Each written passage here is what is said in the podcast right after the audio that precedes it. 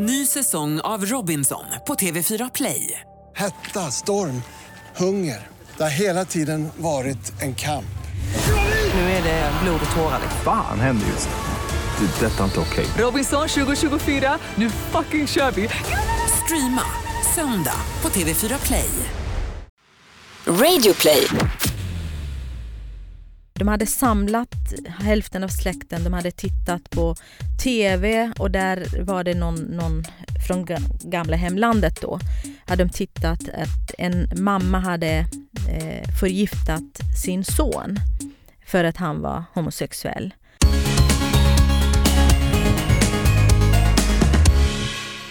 Hej Anton! Hej Tobias och hej kära lyssnare. Välkommen till Regnbågsliv, Sveriges största hbtq-podd, där vi pratar om allt möjligt under regnbågen, som till exempel komma ut, självidentifikation, identitet, läggning, mänskliga rättigheter, bland mycket annat. Och vad är vårt motto Tobias? Att du är bra som du är. Alltid.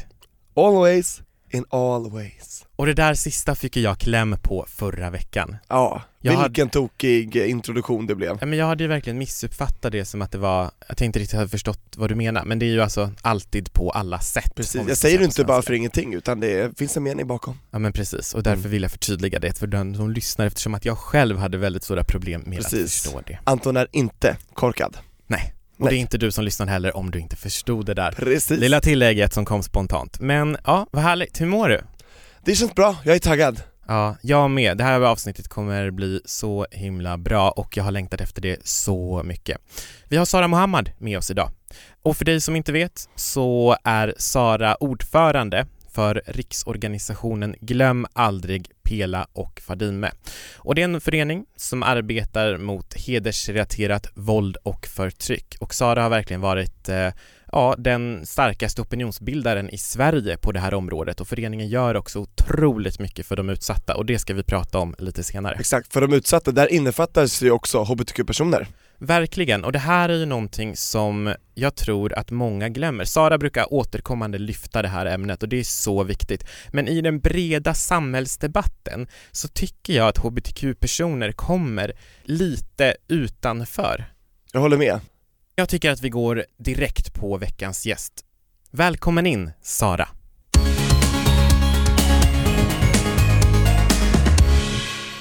Tack så jättemycket. Hej hej! Hej hej. Hur mår du idag, Sara? Jag mår jättebra. Inte minst för att jag är här. Tack för att du är det. Ja, vad härligt. Solen strålar, det är maj. En grej jag glömde säga i min och Tobias introduktion innan du kom in här är att jag är ju faktiskt också engagerad i GAPF, Glöm aldrig Pela och Fadime. Ni är kollegor. Ja men precis. Ja, vi ju, har ju en fantastisk goodwill-ambassadör för GAPF under 2018. Vi är väldigt stolta att ha dig som goodwill-ambassadör. Och då menar du alltså Anton eh, här? Anton, ja precis. Mhm. Ja, tack så mycket. Jag blev otroligt hedrad när jag fick mejlet i december och f- en fråga om att om jag skulle bli goodwill-ambassadör för föreningen. Det är by far mitt liksom finaste uppdrag. Man kan säga att du Så bra. tackade ja direkt. Ja, jag tror det. Om man kollar på mejlet så tror jag det kanske gick tre minuter. Jag bara ja, självklart ska jag göra det här. Och helhjärtat, absolut. Ja. Hur känns det då? Ja men det är helt fantastiskt. Det känns som att det är en av Sveriges absolut viktigaste föreningar som driver en av de absolut viktigaste frågorna. Enligt mig faktiskt den absolut viktigaste jämställdhetsfrågan i Sverige just nu. Wow, vad tycker du om det Sara? Håller du jag med? håller med, absolut. Det är största utmaningen Mm. om jämställdheten. Mm. Och jag tänkte att vi ska fördjupa oss i det där lite och eh, guida lyssnaren lite i vad det här faktiskt innebär. Men innan vi går in på det så vill jag gärna att du får presentera dig för den som lyssnar. För den som inte vet, vem är Sara Mohammad? Ja, först och främst, eh, jag är en kurdisk-svensk eh, kvinna, kommer från irakiska Kurdistan. Jag är mamma till två fantastiska barn, eller vuxna barn nu. Eh, jag är grundare till riksorganisationen GAPF, Glöm aldrig Pela och Fadime. Eh, jag är eh, hederskulturens överlevare, men dagens kämpe mot hedersrelaterat våld och förtryck. Om vi backar bandet, hur började det? Jag var en uppkäftig flicka i min familj. För att jag såg mycket skillnad mellan bemötande av mig, mina systrar och mina bröder i familjen. Jag hade en mamma som var rädd för Gud 24-7.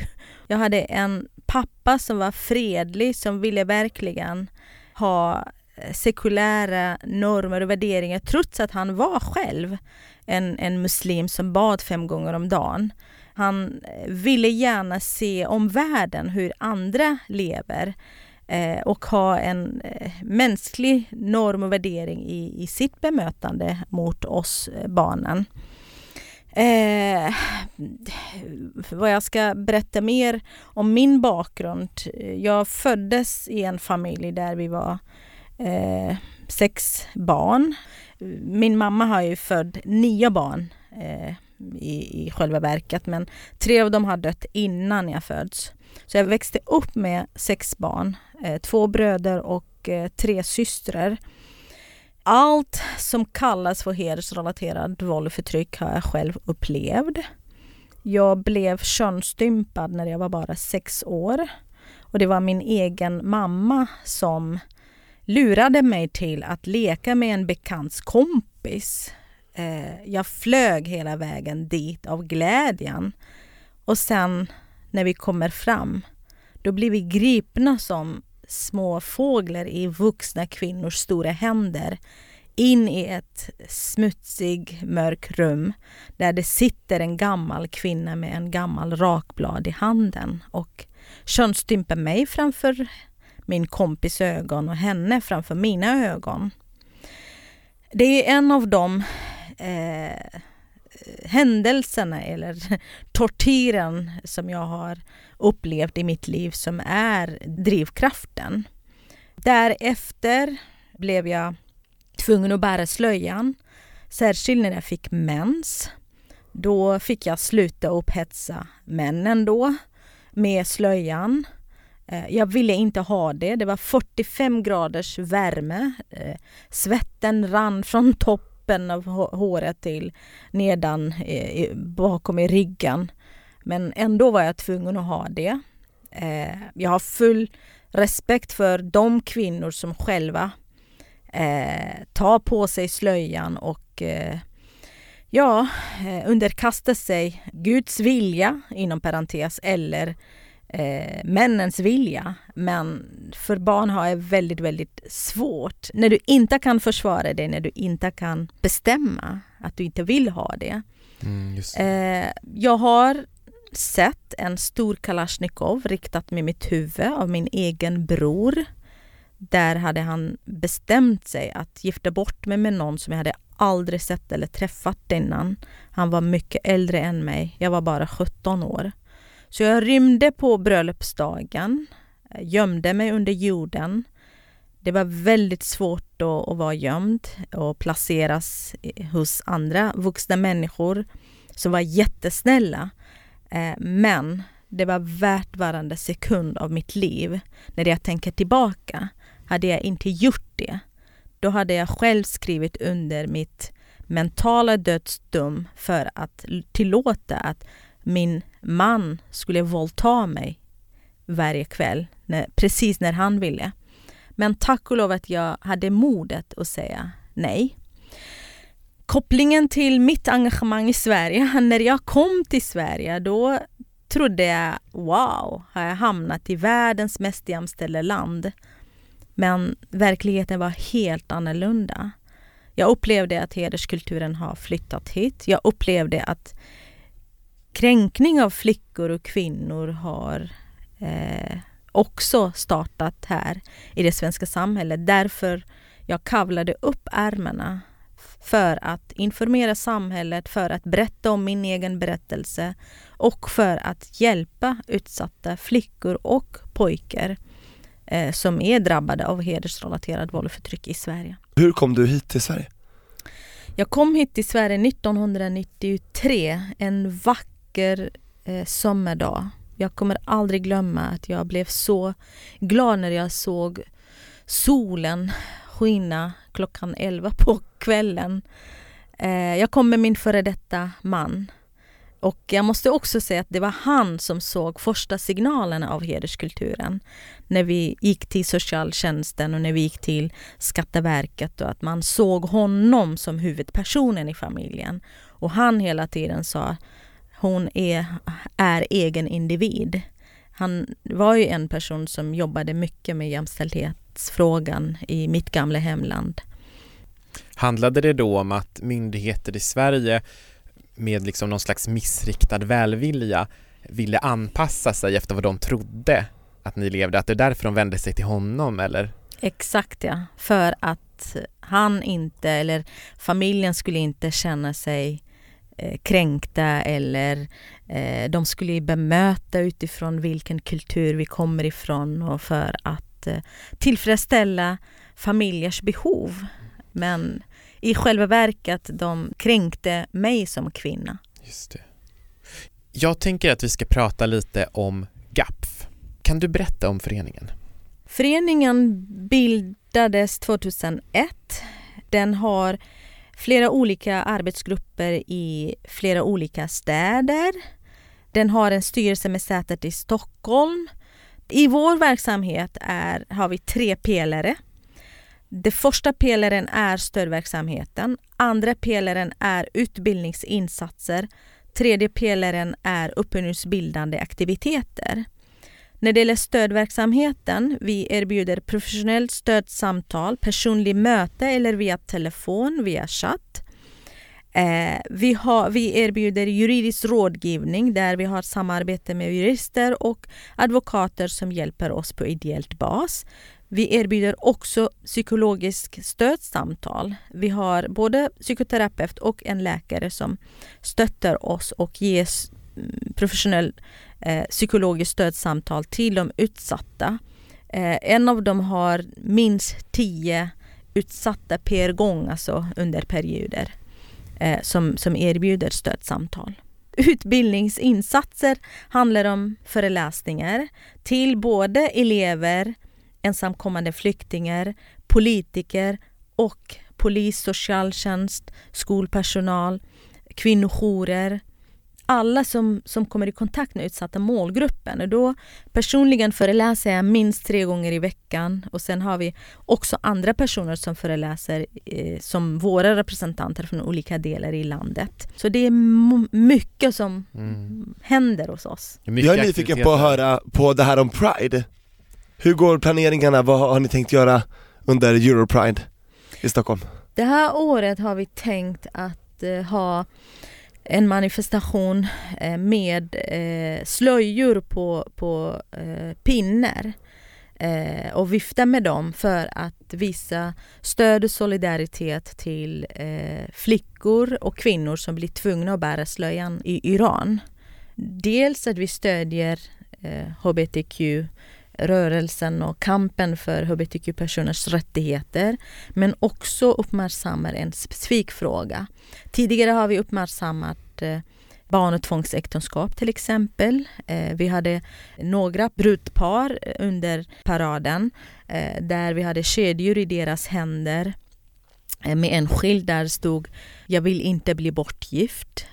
Förra året hade vi tog, uppmärksammade vi absurda oskuldskontroller som pågick eh, på våra vårdcentraler med, med läkare, rock och skyltar mot oskuldskontroll och könsstympning. Om man som lyssnar på det här vill gå med GAPF i paraden, kan man göra det då? Absolut, vi kommer absolut fixa en event på vår Facebook eh, så kan man anmäla sig där och man kan absolut gå med Just på paraden det. med oss. Så in och kika GAP, glöm aldrig Pela och Fadime på Facebook så kan du hålla utkik efter det. Jag tänker Sara att vi ska prata lite om det här med hedersrelaterat våld och förtryck och HBTQ. Exakt, jag är också nyfiken på det. Har ni stött på många fall utav HBTQ-personer som är drabbade utav hedersrelaterat våld och förtryck? Absolut. Eh, självklart det finns flera organisationer som jobbar med den målgruppen parallellt med att vi jobbar med, med mm, heterosexuella personer. Eh, men vi har ju stött på flera eh, utsatta, både tjejer och killar som har varit drabbade av hedersrelaterad våld och förtryck. Hur har det sett ut då? Jag kan ta ett exempel där jag mötte själv och hade ett, ett eh, två timmars samtal, personligt samtal med honom. Han kom från en, ett annat land. Han hade kommit som ensamkommande flykting. Han hade kämpat för att få hit sin familj. Eh, då berättade han för oss, eller för mig och eh, eh en annan fantastisk eh, kvinna som, som samarbetar med oss att eh, han var, kämpade för att få hit sin familj redan på flygplatsen när han hade åkt för att hämta sin familj. Eh, hade eh, mamman reagerat starkt på hans sätt, eh, klädstilsätt. Eh, och han hade inte eh, trott att, att mamman kan känna igen signalen eh, om hans hbtq eller eh, homosexuell läggning då. Men eh, de kommer hem och då tiden går och eh, man försöker att undersöka mer och mer och det går ju till, och han, han själv känner av att eh, familjen har märkt av, eh, släkten kommer på besök, de har ju släktingar här. Och det som jag blev mest, det gjorde mest ont i hjärtat var den kvällen som han hade, han hade inte vågat att vara kvar hemma. Eh, de hade samlat hälften av släkten, de hade tittat på TV och där var det någon, någon från gamla hemlandet då. Hade de tittat att en mamma hade eh, förgiftat sin son för att han var homosexuell. Och han var rädd Eh, för att han hade fått några frågor från sina kusiner i Sverige om han är det eller inte. Och han hade känt avstämningarna, det här mötet, det här samlingen bland släktingar och titta på det här, just det här programmet och, och, och skratta åt att eh, det var rätt åt honom och mamman hade inget, inget annat alternativ att göra det eh, hade skrämt honom så att han, han sa att jag, jag blev så rädd att jag vågade inte ens titta på deras ansikte och ögon eh, om, om de hade planerat just då någonting. Eh, så att han var ju tvungen att ta kontakt med en fantastisk kvinnoaktivist i den staden han bodde då tidigare. Och eh, kvinnan hade pratat med Eh, en eh, annan person för eh, Eh, söka eh, söka hjälp då. Den personen hade bra kontakt med Polismyndigheten och det som gjorde mig stolt också var att den personen hade sagt Wow, jag är goodwill-ambassadör till GAF till och med. Eh, det känns så bra för mig att, att kunna hjälpa en, en, en individ rent praktiskt. Så de hade skyddat den killen den natten eh, och fly därifrån. Och, och, det, har ju, det hade ju pågått misshandel och våld och hot om, om våld så tidigare men just den kvällen hade han verkligen trott att de kan kanske kväva honom eller att mamma kan stoppa något i hans mat. Att, att inte känna sig trygg med sin egen mamma och inte njuta av mammas mat utan vara rädd för det. Ny säsong av Robinson på TV4 Play. Hetta, storm, hunger. Det har hela tiden varit en kamp. Nu är det blod och tårar. Fan händer just det. det detta är inte okej. Okay. Robinson 2024, nu fucking kör vi. Streama söndag på TV4 Play. Ett poddtips från Podplay. I podden Något Kaiko garanterar östgötarna Brutti och jag, Davva, dig en stor dos skratt. Där följer jag pladask för köttätandet igen. Man är lite som en jävla vampyr. Man har fått lite blodsmak och då måste man ha mer. Udda spaningar, fängslande anekdoter och en och annan arg rant. Jag måste ha mitt kaffe på morgonen för annars är jag ingen trevlig människa. Då är du ingen trevlig människa, punkt. Något kajko, hör du på podplay. Därför är gardinerna. Och det här är ju ett utav eh, många, många fall av eh, hbtq-personer som är drabbade utav hedersrelaterat våld och förtryck. Och, eh, vet du ungefär, eller Sara, hur många som är drabbade, eller vet man hur många som är drabbade? Tyvärr, det är ingen som har gjort någon kartläggning av hur många som är drabbade av just som är homosexuell eller hbtq eh, inom hederskulturen. Man har mm. inte gjort, jag, jag vet inte eh, och jag tror att jag har koll på läget. Man brukar också prata om den här dubbla utsattheten. Va, vad innebär det, alltså dubbel utsatthet för hbtq-personer? Så dubbel utsatthet handlar om att det är inte bara din mamma eller din pappa som har någon synpunkt eller eh, eller någon, någon syster eller någon bror inte tycker om det. Utan det är hela familjen, det är hela släkten, det är bekanta, avlägsna släktingar, det är kan hända att det är klanen, det kan hända att det är eh, också landsmän. Eh, det är många olika, olika rader inom kollektivet som är mot dig. Eh, man är beredd att mörda dig för att skydda sin heder. Det påverkar eh, familjemedlemmarnas, släktmedlemmarnas anseende eh, gentemot kollektivet. Det påverkar Eh, sociala kontakter och nätverk. Det på, påverkar ekonomiska eh, relationer och eh, möjligheter. Det påverkar eh, giftermål inom klanen, hur man ser på det här familjen som har en hbtq-person men inte har tagit livet av eh, den. Det påverkar på många olika plan och inte nog med det utan också i de samhällen, eh, tack och lov inte i Sverige men i flera olika länder, det är helt lagligt att avrätta dem, eh, homosexuella personer eller hbtq-personer. Just det, att det, det finns är sanktionerat. i många länder. Mm. Ja. Det låter fruktansvärt. Det, det, finns ju en del länder där det är lagligt och där, där det är dödsstraff på homosexualitet. Och sen så finns det ju en del länder där det är eh, liksom norm att döda homosexuella att det är okej okay också mm. så att det inte liksom, det inte står i lagen men det, det är ingenting som polisen Exakt. hjälper inte om det, det händer. Precis, och den normen råder tack och lov inte i Sverige. Tack och lov ja. Mm. Ja, när det gäller statens sanktionering finns inte, men tyvärr, det finns väldigt mycket, väldigt mycket tystnad, väldigt mycket försiktighet, välviljans vilsenhet, att man inte pratar om hbtq-personer inom hederskulturen för att inte stigmatisera inom parentes. Att man är rädd för att bli kallad rasist. Varför ska det vara rasism? Att du bryr dig om en individs självklara rättigheter och sexuell läggning.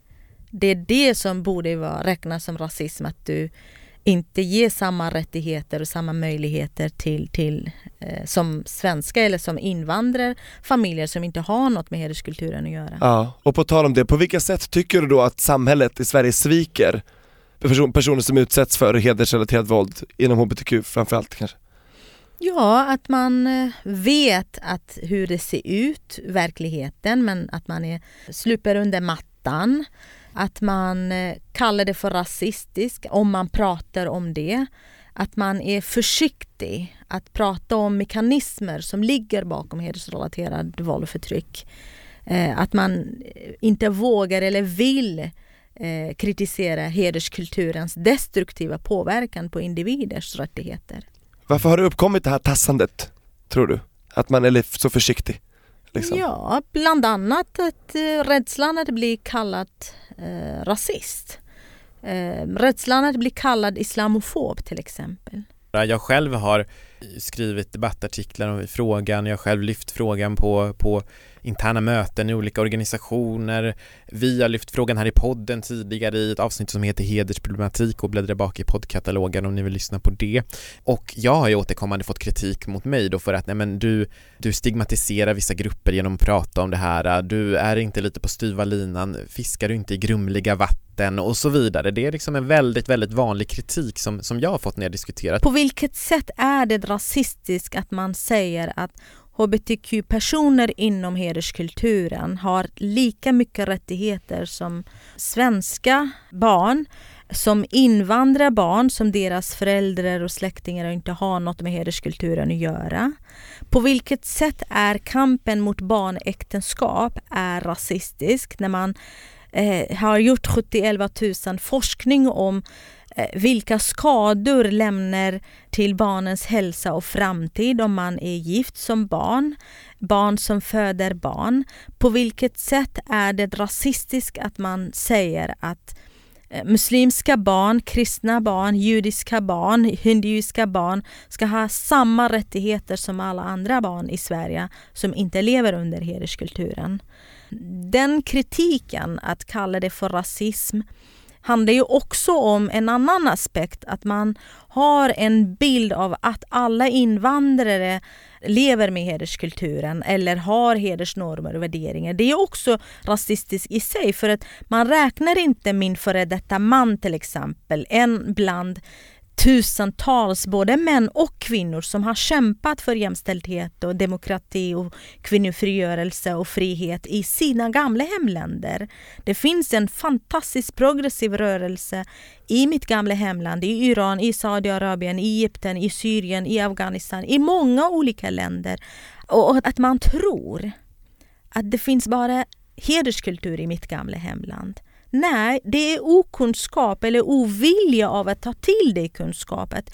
I mitt gamla hemland finns 71 kulturer som jag är stolt över. Det är hederskulturen som jag kritiserar. Det är hederskulturen som borde alla kritisera. Generositetskulturen, matkulturen, gästvänlighetskulturen, naturkulturen, musikkulturen. Det älskar jag från min kurdiska kultur. Jag vill hellre äta mina kurdiska dolmer hela mitt liv än att äta svenska köttbullar till exempel. det handlar inte om det. Det handlar om hur du ska ha det som individ, som flicka, som hbtq-person. Vem du ska älska, vem du ska vara kär i, vem du ska ha sex med, vem du ska umgås med, vad du ska ha på dig, inte få ha på dig eh, vad du får göra, vad du inte får göra. Det är mycket mer än en massa annat positivt i min kultur när det gäller hederskulturen. Och om man inte kritiserar hederskulturen, om man inte kritiserar religiösa traditionella föreställningar som kommer i konflikt med mina mänskliga rättigheter som flicka, som kvinna, som hbtq-person.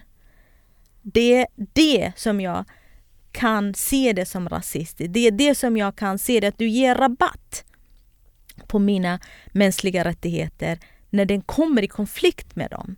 Mm. Vi alla borde försvara individers självklara mänskliga rättigheter som, som 71 olika länder har skrivit under.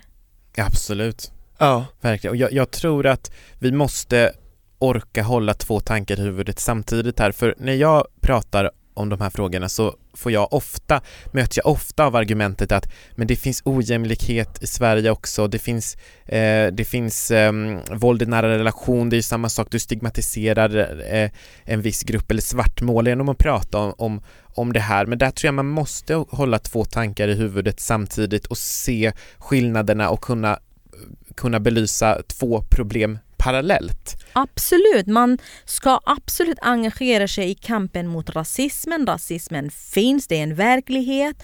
Man måste förstärka verkligen kampen mot rasismen men inte på bekostnad av den mest utsatta målgruppen i Sverige. Mm. Inte på bekostnad att, att supa undan det som, som handlar om liv och död för alldeles för många. Du nämnde 240 000 utsatta av hedersvåld. Vi har 38 000 flickor och kvinnor som är könsstympade som bor i Sverige. Varför ska vi inte bry oss om deras hälsa, hur de mår? Och bry oss om vad den ena eller andra tänker om det är rasistiskt eller inte rasistiskt. Vilken förälder vill ha ett barn som mår dåligt på grund av könsstympning ska man tänka att utifrån utbildning, utifrån barnens rättigheter, utifrån skadade relationen mellan mamman och flickan som skadade min relation med min mamma när hon lurade mig. Vad har du för råd till de som vill lyfta hedersrelaterat våld och förtryck men inte riktigt vågar än? Och för i rädsla av att bli kallad rasist och så vidare? Alltså mitt råd är att de ska inte vara rädda för att bli kallad rasist. När man vet själv att man är inte rasist, att man har respekt för allas lika värde, att man ifrågasätter normer och värderingar som kommer i konflikt med mänskliga rättigheter. Eh, och sen att man ska inte vara rädd för islamisters stämpel, huller om buller om att det är islamofobiskt att prata om den här frågan. Sen att man, man ska verkligen tänka att om det skulle vara mitt barn om det skulle vara min dotter, skulle jag bemöta det barnet på samma sätt om jag hade ansvar? Så ska man tänka. Mm. För den som lyssnar på den här podden nu och är utsatt för samma strukturer, vad ska man göra om man är offer för hederskulturen? Vart vänder man sig? Vänder sig kan man absolut vända sig till oss, vänder sig till de organisationer som, som stöttar utsatta ungdomar, vänder sig till skolkuratorn, eh, man kan vända sig till socialtjänsten, man kan vända sig till polisen. Många av dem tror att så fort de pratar med polisen, då mamma och pappa måste sitta i fängelse här och nu. Det stämmer inte. Man kan få tillräckligt med information för att känna sig trygg med om man vill polisanmäla eller inte polisanmäla. Man kan få också hjälp av socialtjänsten även om man inte har polisanmält familjen. Det betyder inte att jag rekommenderar att man ska inte polisanmäla om våld eller hot om, om våld inte finns i bilden. Men att man kan få mycket information i förväg. Man kan läsa på eh, olika organisationers hemsidor. På vår hemsida står inte eh, specifikt om, om den målgruppens eh, exempel hur man har lyckats eller inte lyckats och så men, men att man ska höra sig av till, till olika organisationer. Finns det andra i min situation? Att man ska inte känna sig ensam. Så att man får samla information om vad det blir nästa steg när man tar kontakt med myndigheter, hur man kan få hjälp och stöd. Vi kan erbjuda fantastiskt mänskligt nätverk med våra 60 personer, vi har stödpersoner runt omkring i hela landet, eh, erbjuder. Så att om man känner och saknar trygghet hos sin familj och inte vågar ha kontakt med sin familj. Vi har alternativ familj till de här utsatta personerna. Ta gärna kontakt med oss. Bjud in oss till skolan eh, så att vi kan eh, erbjuda föreläsning just om hbtq-personers eh, situation och eh, vad skolan kan göra till exempel. Stort tack Sara för att du eh, kom och hälsade på oss idag och delade med dig av din historia. Tack så jättemycket. Tack för att jag fick komma. Och vem tycker du ska gästa Rimboks liv framöver? Okej, jag skulle vilja ha Devin Rexvid, är forskare vid Umeå universitet. Han är min idol. Han är verkligen fantastisk på alla möjliga sätt. Har eh, diskuterat, debatterat den här frågan på mycket, mycket saklig med mycket underlag för det som han har skrivit om. Han har skrivit en bok också tillsammans med forskaren Astrid Schlytter och den heter Mäns heder. Så rekommenderar jag att ni kan också köpa boken och läsa den. Bra rekommendationer. Bra och för dig som lyssnar så kan du självklart bli medlem i GAPF också. Det gör du genom att gå in på www.gapf.se, gapf.se då, eh, och klicka på bli medlem. Du kan självklart även gå in på GAPFs Facebook-sida, Instagram och Twitter och följa dem där. Tack för att du har lyssnat och vi hörs igen nästa vecka.